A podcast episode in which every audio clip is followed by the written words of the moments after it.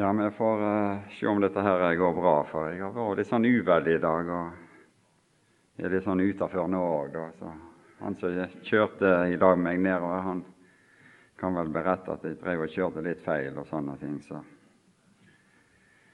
Men vi får se og prøve. Eh, vi har ei bibelgruppe oppe i Bergen som eh, kommer sammen sånn nokså jevnlig. Og eh, i 1994 så gikk vi gjennom Romerbrevet. Og i den forbindelse så eh, var det en del tanker som jeg hadde tenkt å dele med dere her òg, som kom opp, pluss en del nye ting som ikke var framme da. Og jeg satte opp som et emne det uttrykket som står i kapittel 8 vers 28 eller jeg satte opp Guds råd, men der står det slik at vi vet at alle ting tjener dem til gode som elsker Gud, den som etter Hans råd er kalt. Guds råd. I dette verset her så presenterer Paulus noen som elsker Gud. Altså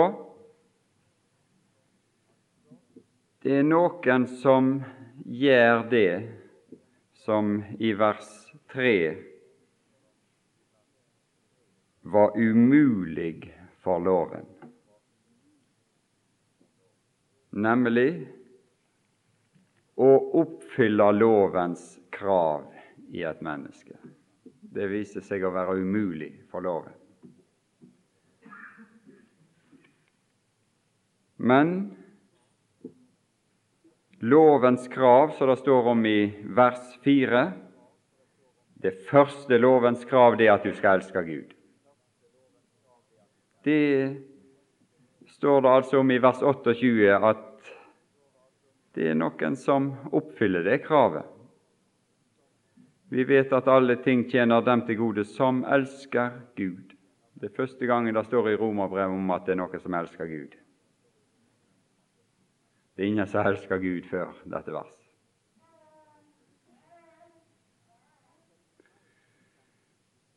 Og han sier litt mer om hvem disse er som elsker Gud. Han sier det er dem som etter Hans råd er kalt. Gjennom sitt rådskall oppnår Gud lovens krav, som loven sjøl umulig kunne gjøre eller makte å oppnå i noen.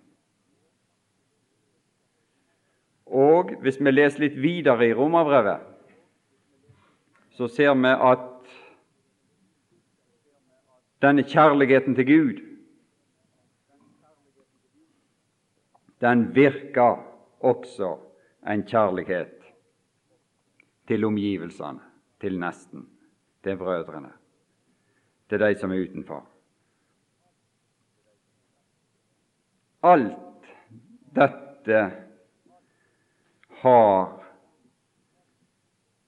forankring i bevissthet om vårt kall etter Guds råd. Og vi vil prøve å se litt på det, hans råd, og dette kallet òg. Eh, Paulus i Romerbrevet behandler evangeliet som er Guds kraft til frelse. Etter at han i kapittel 1 derifra versene ca. 18 og til eh, kapittel 3 og vers 20 så behandler Paulus loven. Hva er loven? Det, loven er menneskets kraft til frelse. Den er gitt mennesket som menneskets kraft til frelse. Gjør dette, og du skal bli frelst. Gjør dette, og du skal bli rettferdiggjort. Gud har gitt loven som de kraft til frelse. Oppfyll den, og du blir frelst. Så greit er det. Men det viste seg at loven var en håpløs vei både for jøde og for hedning, for hele verden, så var det en håpløs vei til frelse. Den skapte ingen frelse, men den skapte en lukka munn. Det står ikke ett eneste menneske fram for Gud og retter ut sin hånd og åpner sin munn og sier at 'gi meg frelsen som belønning for det jeg har gjort'. Tvert imot. Det står at det taler eh, Vi vet i vers 19, 3.19 at alt det som loven sier, det taler den til dem som har loven, for at hver monn skal lukkes og hele verden bli skyldig for Gud, siden intet kjøtt blir rettferdiggjort for ham ved lovgjerninger. For ved loven kommer syndens erkjennelse. Så det er det, er det avsluttende ord om loven. Syndens erkjennelse, en lukka munn. Ingen krav kan jeg stille overfor Gud ved loven.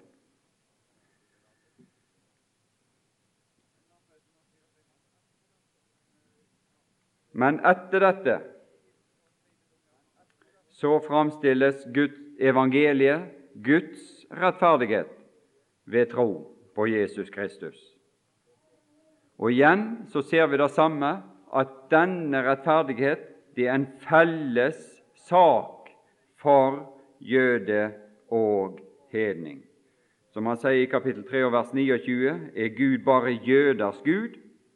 Er han ikke også hedningers? Jo, han er også hedningers. Så sant Gud er én, og han rettferdiggjør de omskårne, altså jødene, av troen, og de uomskårne, altså hedningene, ved troen.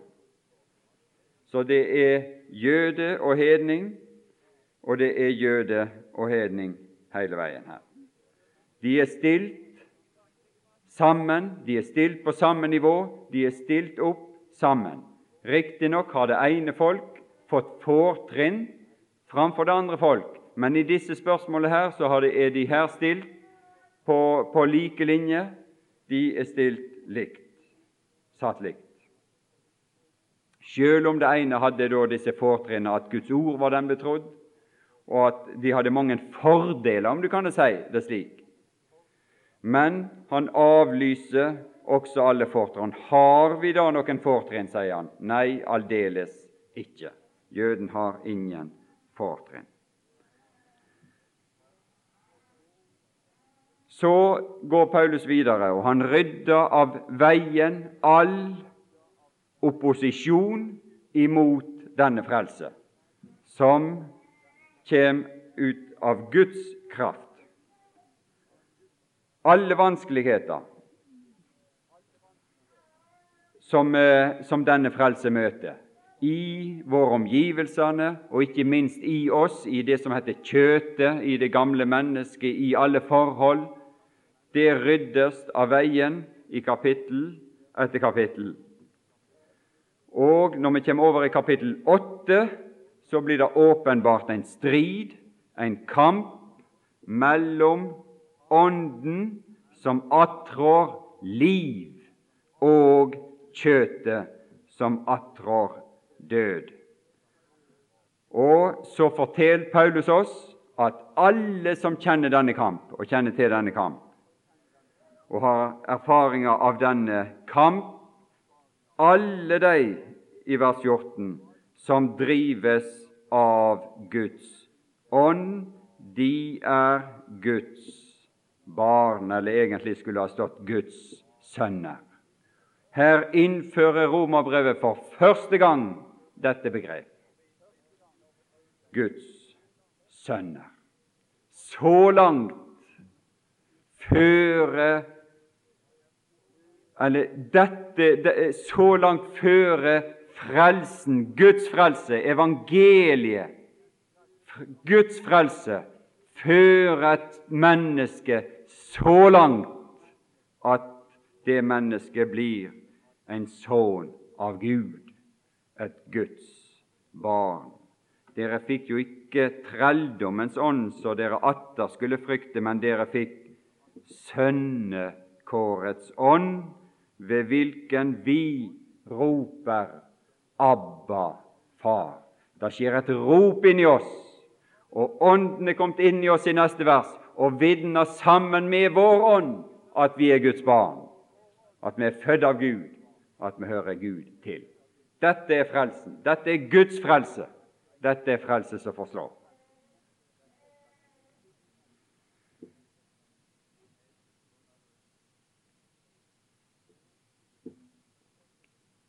De er Guds sønner, født av Gud.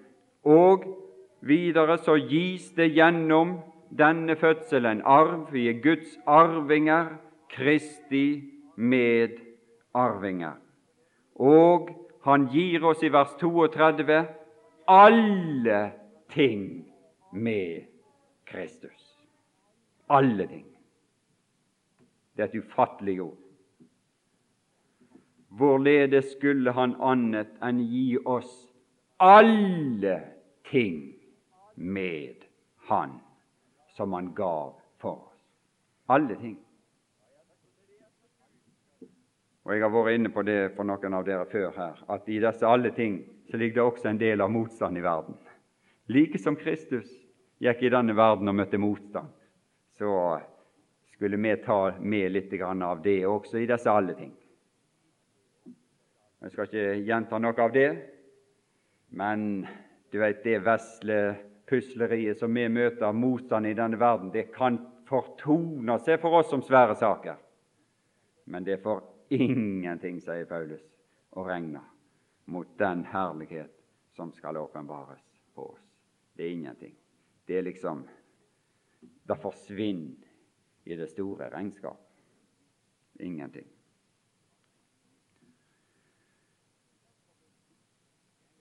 I denne forbindelse så kan det reises mange spørsmål. Hva med løftene i Det gamle testamentet? Hva med jødefolket?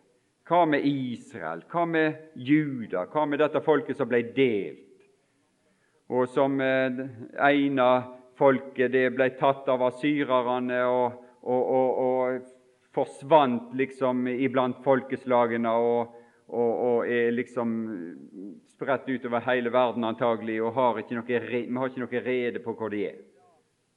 Ikke vi, men Gud vet hvor de er. Men vi vet ikke hvor de er. Hva, hva, hva liksom med dem? Og hva med, hva med, de som ble senere, juder, som senere ble ført til Babel, og noen kom tilbake til Israel, og som har beholdt en god del av dem sin bevissthet av at de er jøder? Sin bevissthet på, på, på sitt opphav, slike som Paulus sjøl. Han visste at han var en benjamitt. Han visste at, eh, hvem foreldrene hans var, han visste hvem forfedrene var. Han hadde rede på slektstavlene sine helt tilbake til Benjamin. Hva med, det, med, med disse ting? Hva, hva, med alt det som Det gamle testamentet sier om disse folk? Og om hedningene, folkene? Stemmer den, dette som Paulus her lærer om Guds kraft til frelse og denne frelsens innhold? Stemmer det med Det gamle testamentet? Eh, han har på en måte introdusert et nytt folk her. Guds sønner, noen som er, noen som er likedannet med hans sønns bilde. Eh, har Guds ord liksom fått et nytt innhold, eller har, har, Gud, har Paulus gjort liksom en vri på Guds ord?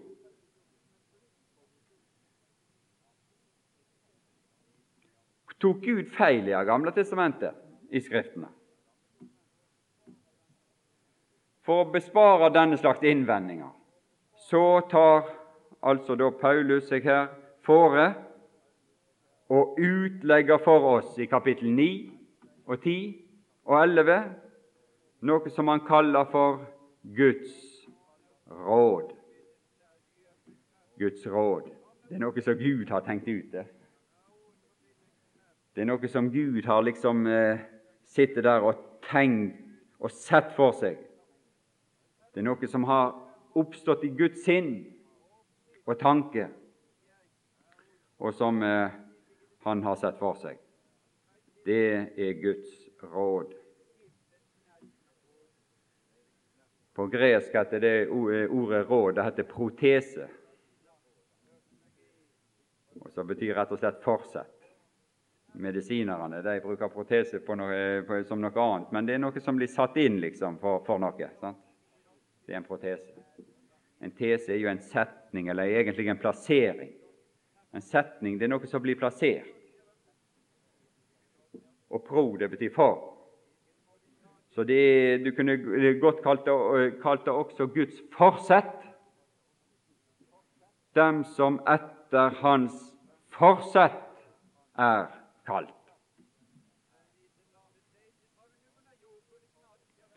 Han tar seg fore gjennom vidløftige sitat fra Det gamle testamentet og vidløftig utleggelse fra loven, fra profetene, fra salmene, og vise og bevise sin lære. Samtidig som han i sin egen persons liv og hjerte vise virkningen av Guds råds kall. De fleste forbinder lære og utleggelse med tunge og tørre ting. Vi kan si det slik, hvis du leser i kapittel 9 og 10 og 11, så finner du tunge og vanskelige ting. Jeg vil ikke si tørre ting, men du finner tunge ting og vanskelige ting. Og du finner lære og utleggelse, men du finner disse ting kombinert med et brennende hjertelag for sine brødre. Og det er noe med det som imponerer meg mest med disse ting. At det er mulig å kombinere vidløftig utleggelse av Guds ord med et brennende hjerte, nemlig med kjærlighet. For det er det som er oppfylt i denne manns hjerte. Det er kjærlighet. Det er Guds kjærlighet. Og kjærlighet til nesten. Jeg sier sannhet i Kristus, jeg lyver ikke. Min samvittighet vitner med meg i Den hellige ånd at jeg har en stor sorg og en uavlatelig gremmelse i mitt hjerte, for jeg ville ønske at jeg selv var forbannet bort fra Kristus for mine brødre, mine frender etter kjøtet, sine nærmeste. Jeg skulle ønske jeg hadde litt mer av denne brann for mine nærmeste. De nærmeste, de nærmeste i de, i slekt dine omgivelser, så kunne denne Herre liksom bre seg utover til den ganske verden. Men det er bare et par vers nedenfor, så begynner han å snakke om disse.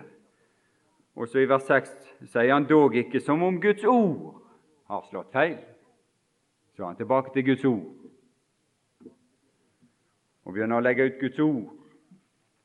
Og Så ble det lest her midt i det at han taler om snublesteinen, om Israel, om rettferdighet. Brødre, mitt hjertes ønske og min bønn til Gud for dem er at de må bli frelst. Og det roper han ut sammen med at han taler om det Moses skriver. For Moses skriver. Og går du over i kapittel 11,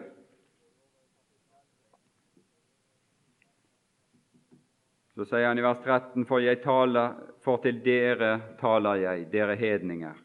Så sant jeg er hedningenes apostel, priser jeg mitt embete. om jeg bare kunne vekke mine kjødelige frender til nidkjærhet og få frelst noen av dem. Han fortaper seg ikke på en måte i læren, i utleggelsen, på en slik måte at han, han ikke interesserer seg liksom for omgivelsene, for sine nærmeste, for sine frender, for sine brødre etter kjødet. Men han beholder, han makter å beholde den brennende hjertelag. Og det er slik utleggelse vi egentlig trenger. Det er jo dette vi trenger, venner. Ikke sikker på om vi greier dette her, men vi skulle i hvert fall kunne greie det litt i fellesskap. Det kan hende også står her at vi kan være liksom, som, skal liksom ha litt utleggelse og sånne ting.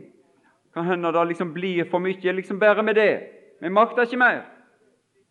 Men i fellesskap burde vi i hvert fall makte litt mer, og enkeltvis også. Så burde vi ha noe av denne hellige kombinasjon her i våre sammenhenger. Denne brann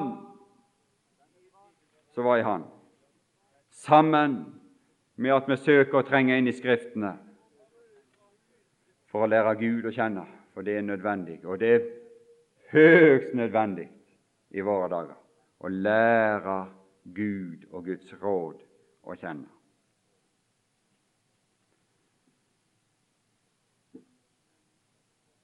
Det sto i kapittel 8 vers 28 om å være kalt etter Hans råd. Hans råds kallelse, kunne det ha stått der. Hans råd, kort fortalt, er det Det skal jeg prøve å si litt mer om, men kort fortalt er det det er at en levning av alt det tapte skal bli frelst i denne tid ved Guds nåde og miskunnhet.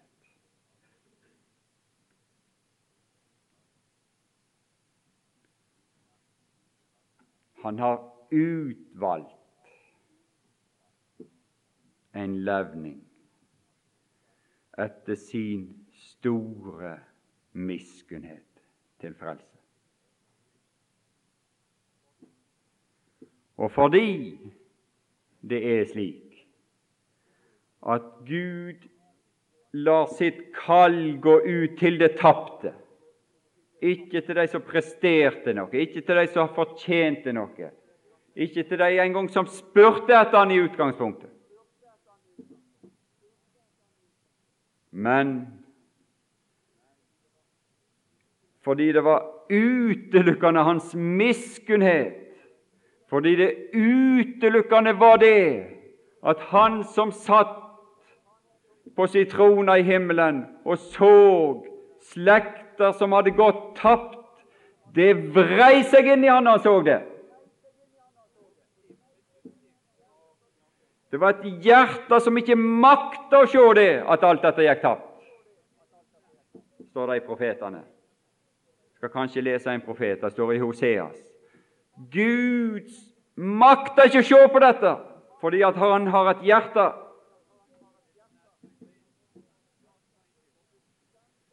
Og så bestemte han seg i sitt råd at jeg vil gå til disse og kalle de og frelse de utelukkende ut ifra min nåde og miskunnhet.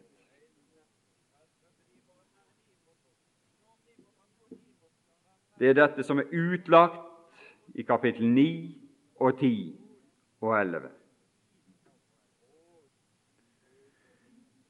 Kapittel, tilbake til vers 8 og 28. Etter Hans råd er kalt, så kommer vi til vers 29. Det sier litt om kallets innhold. Det han kaller, det Gud kaller til, det er å bli sønner, det er å bli brødre av Hans elskede enbårne Sønn, som Han sendte til verden. Det er til å bli Hans medarvinger.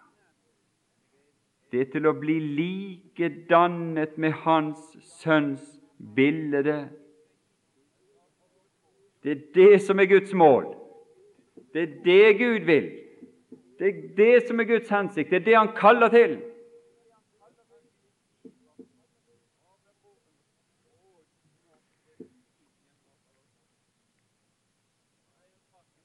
Og den eneste kvalifikasjon han ber om, det er et øre som hører det kallet. Og så er det et gjensvar på det kallet.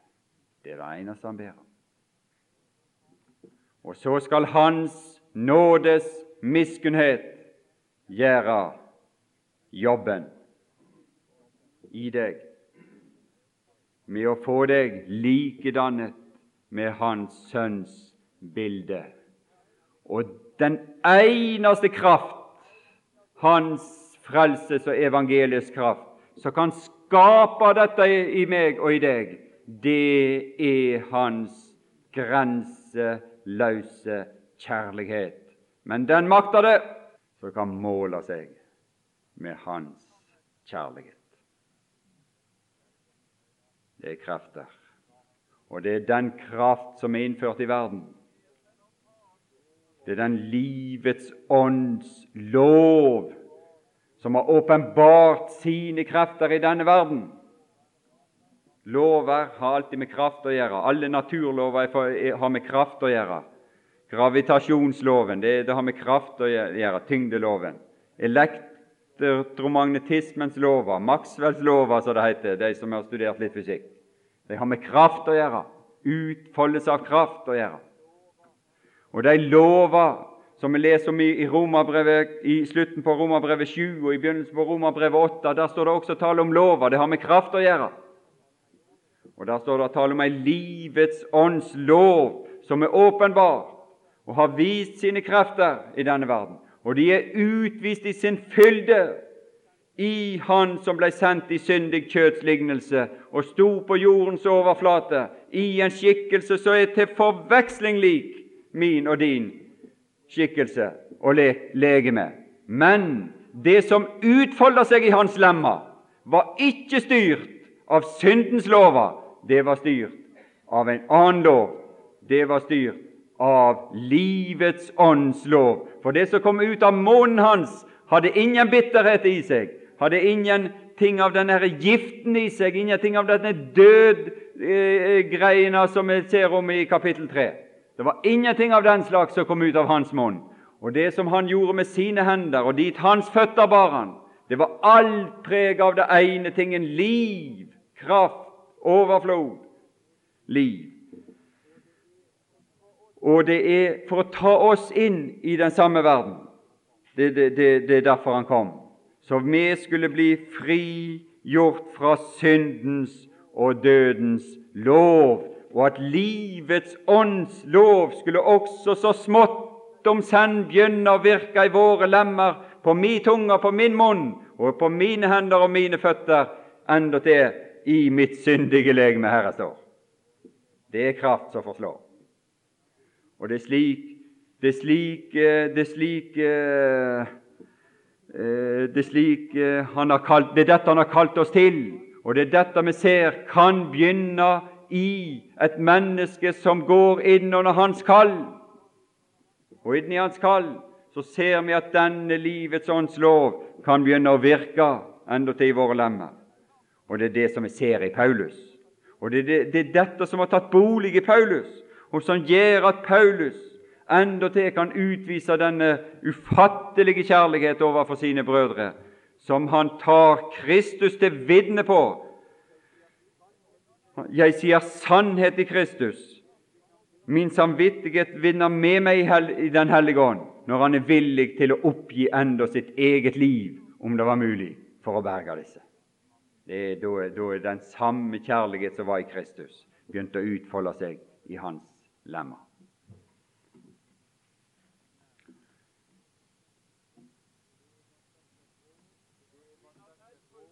Det var, dette råd det var noe som han tok fritt. Det var hans frie råd, hans suverene råd, som han bestemte i seg sjøl. Den som han forutbestemte. Han hadde gjort en bestemmelse. Den kalte han. Til disse brødre til å være likedannet med hans sønns bilde, for at den skulle være de førstefødte blant mange brødre. Og Hvis vi går over i kapittel 9 og vers 25, eller vers 24, så står det til å bli slike kalte han også oss. Og igjen, ikke bare av jøder, men også av hedninger, som han sier hos Oseas. Det som ikke var mitt folk, vil jeg kalle mitt folk, og henne som ikke er elsket, vil jeg kalle. Dette er kallet. Dette er Guds råds kall. Min elskede. Har du hørt det? Det var det Sønnen fikk høre. Dette er min sønn, den elskede. Og hvis du har ører for Gud og Guds ord, så er det dette du får høre over ditt liv. Det er det, henne som ikke var elsket. Når Jesus fikk høre det, så hadde han vært elsket fra evighet av. Men så har Gud etter sin miskunnhet og i sitt suverene råd at etter sin nådes utvelgelse, så har han sagt henne som ikke var elsket, det var meg og deg, det, vil jeg kalle min elskede. Og dette er ikke noe ukeblad, kjærlighet. Det er den evige, sandrue Gud som ikke kan lyge. Og når Han har sagt dette, så er ikke det noe skrømt. Det er sannhet. Han som ikke kan lyge, han som er sandru, det er han som sier dette 'mi elskede'. Han har åpna himmelen over deg. Og det skal skje på det sted hvor det ble sagt til dem dere er ikke mitt folk, der skal de kalles den levende Guds.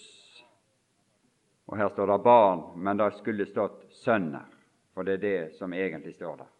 Den levende Guds sønner. Kan du få noe bedre kall, da? Å bli kalt den elskede, og bli kalt inn til å bli Guds sønner.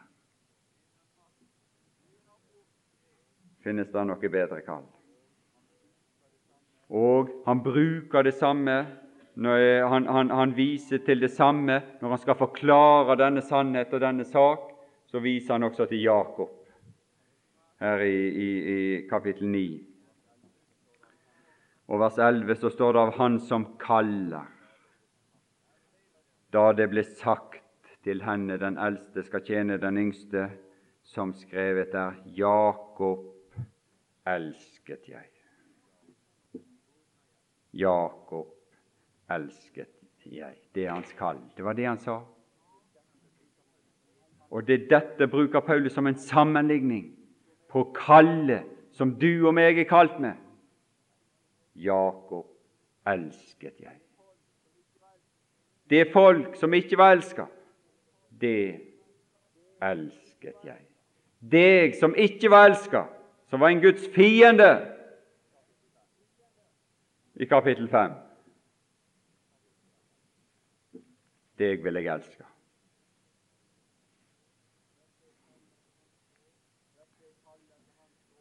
Dette er kallet etter Hans råd.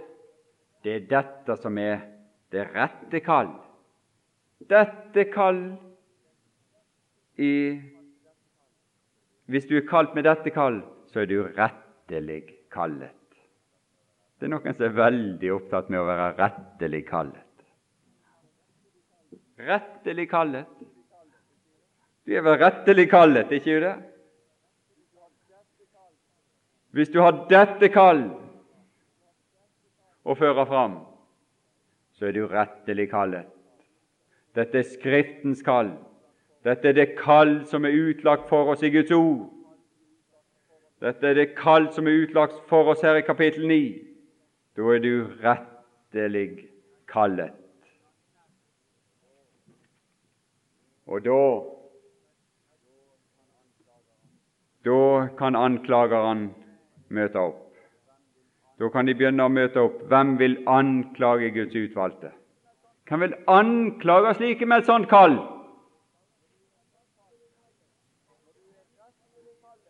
Når du er rettelig kallet, hvem vil deg, anklage deg da for ditt kall?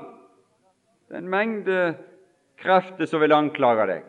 Her er mange som står rede til å anklage og anfekte ditt kall. Forskjellige ting nede her.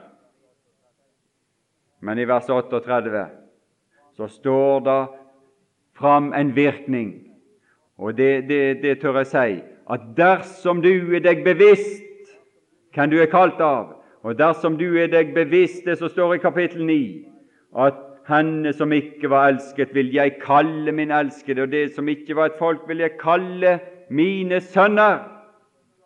Guds sønner. Hvis du har dette kallet, så vil du være i stand til å motstå alle anklager. Du vil være i stand til å gå gjennom universitetet med alle sine eh, eh, teorier som forsøker å ta ifra deg troen. Du vil være i stand til å gå gjennom skole og skolesystem som vil søke å nedbryte alt guddommelig i deg og ta ifra deg disse tingene. Du vil være i stand til å møte grupperinger og retninger og læresetninger og, og, og altså sånne ting, altså lære, som vil ta det ifra deg disse tingene her. Du vil være i stand til å møte alle ting, fordi himmelen har åpna seg over deg, og du har hørt Guds egen røst kalle deg og si, du, si, si til deg 'Du er min elskede'. Og da kan denne vissheten bli frukten i ditt hjerte. Denne ufattelige vissheten. Se her, jeg er viss på Hvorfor Paulus er det så viss på dette? At verken død eller liv, verken engler eller krefter, verken det som nå er, eller det som komme skal, eller noen makt, verken høyde eller dybde eller noen annen skapning skal kunne skille oss fra Guds kjærlighet i Kristus Jesus, vår Herre. Hvorfor er det så visst på dette, Paulus? Hvor har du fått denne vissheten ifra? Det er fordi den sandrue, evige Gud majesteten i det høye, Han har kalt meg sin elskede. Ikke bare det at han gav Jesus, ikke bare det at han viser sin kjærlighet i kapittel 5. Ikke bare det at han viser sin kjærlighet derved at Kristus døde for oss mens vi ennå var syndere. Og det står 'viser'. For det Gud viste på Golgata, det, det var ikke et øyeblikks innskytelse som Gud fikk, men det var et uttrykk for det som bor i Han til evig tid, den kjærlighet som han viste der. Derfor står det her 'viser' og ikke 'viste'. Men han viser. For det, det, det er ei verbal form på gresk som taler om noe som varer ved. Ikke, ikke en enkeltstående sak, men noe som varer ved Det gir uttrykk for noe som er konstant i Gud, men som gav seg uttrykk i det han gjorde på Golgata. Det gjorde han. Han har vist det ved gjerninger. Han har vist disse tingene her. Men i tillegg så har han åpna himmelen, og så har han kalt henne som ikke var elsket, har han kalt min elskede. Det er slike kall vi trenger. Det er slike kall jeg trenger, og det er slik røst jeg trenger for at denne visshet som var i Paulus i 38-39 i Romerbrevet 8, at den skal bli min, at den skal være min, at den skal leve i meg, fungere i meg. Ingen makt, ingen krefter, ingenting som vi møter, skal kunne skille oss fra Guds kjærlighet i Kristus Jesus, vår Herre.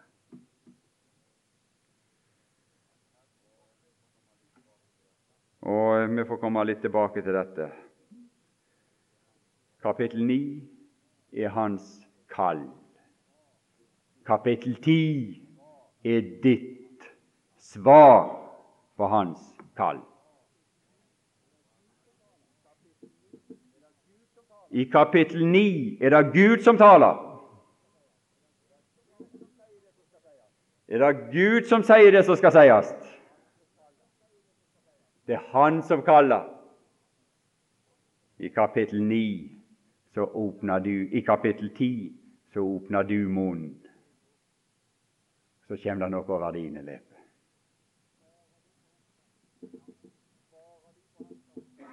Så svarer du på hans kall. Det krever et svar. Når noen kaller deg for sin elskede, så kreves det et gjensvar.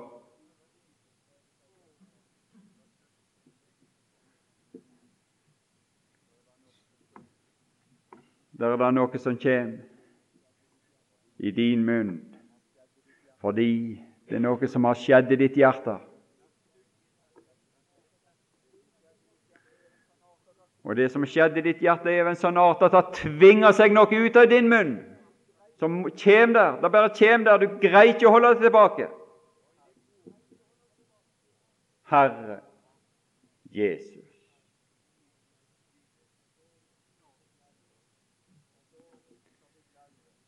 Og så, i kapittel 11, plasserer Paulus oss i forhold til de løfter som er gitt for Israels folk, for Jakob og for denne verden og for hedningene.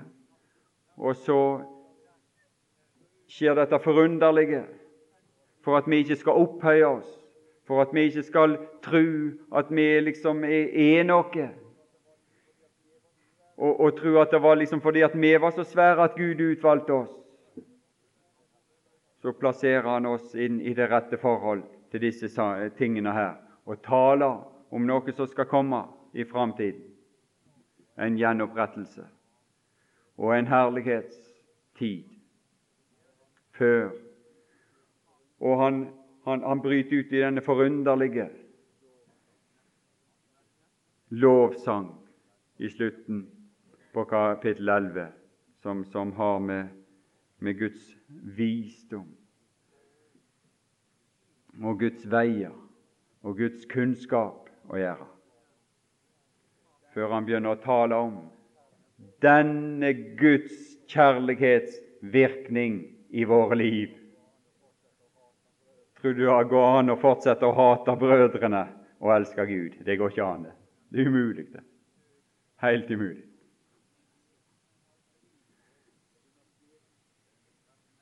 Det begynner å skje ting. Og I kapittel 13 så taler han om det annet bud. Så taler han om lovens oppfyllelse. Kjærligheten gjør ikke nesten noe ondt. Derfor er kjærligheten lovens oppfyllelse. Jo, det var vel Guds kjærlighet. Ja visst er det Guds kjærlighet, men det er Guds kjærlighet i meg det står tale om her. Det er når denne Guds kjærlighet er flytta inn i meg, det er det det står tale om i kapittel 13. Ja, og der, I kapittel 13 betaler du skatten med glede. Det er underlige saker. De som betaler skatten sin med glede.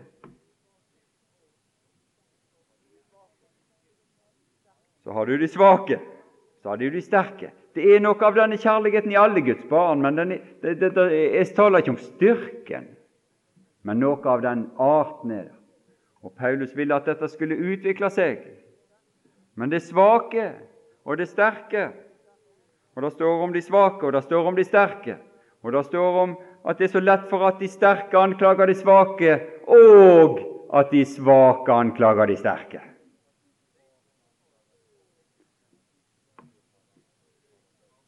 Det, det taler, tales det òg om her i kapittel 14. Begge deler. Og Paulus setter begge deler på plass.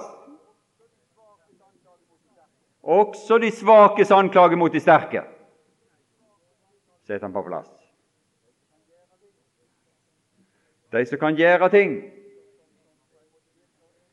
som, som, som, som på en måte virker slik at, at, at, eh, at, eh, det kan virke litt sånn dømmende. Han setter alle disse ting på plass for å føre fram det store, store, store eksempel over alle, på alle disse ting Kristus. Kristus som tok seg av oss. Vi får prøve litt, hvis vi da lykkes, å, si litt i, i de følgende timene, hvis vi får dem, om disse ting så kan vi bare takke og prise deg og beundre deg, vår Far i himmelen, som kalte oss til dine barn. Det er ufattelig, og i denne verden som vi ser, går under i ugudelighet og synd og hardhet og kjødelighet. og der, der synes interessen for deg er minimal. Så var vi noen som fikk høre din røst, høre ditt kall, ta imot det, bli dine barn. Det er forunderlig, og vi vil takke og prise deg for det. Og vi vil be om at du åpenbarer din kjærlighet for oss på en sånn måte at denne kjærlighet måtte brenne i oss og øke i oss som vi kunne ha denne nød og dette begjær som er i deg, og som vi så var i din tjener Paulus her, at andre kunne bli frelst. Vi ber om din nåde og velbehag over denne samling. Far, for ditt navns skyld. Amen.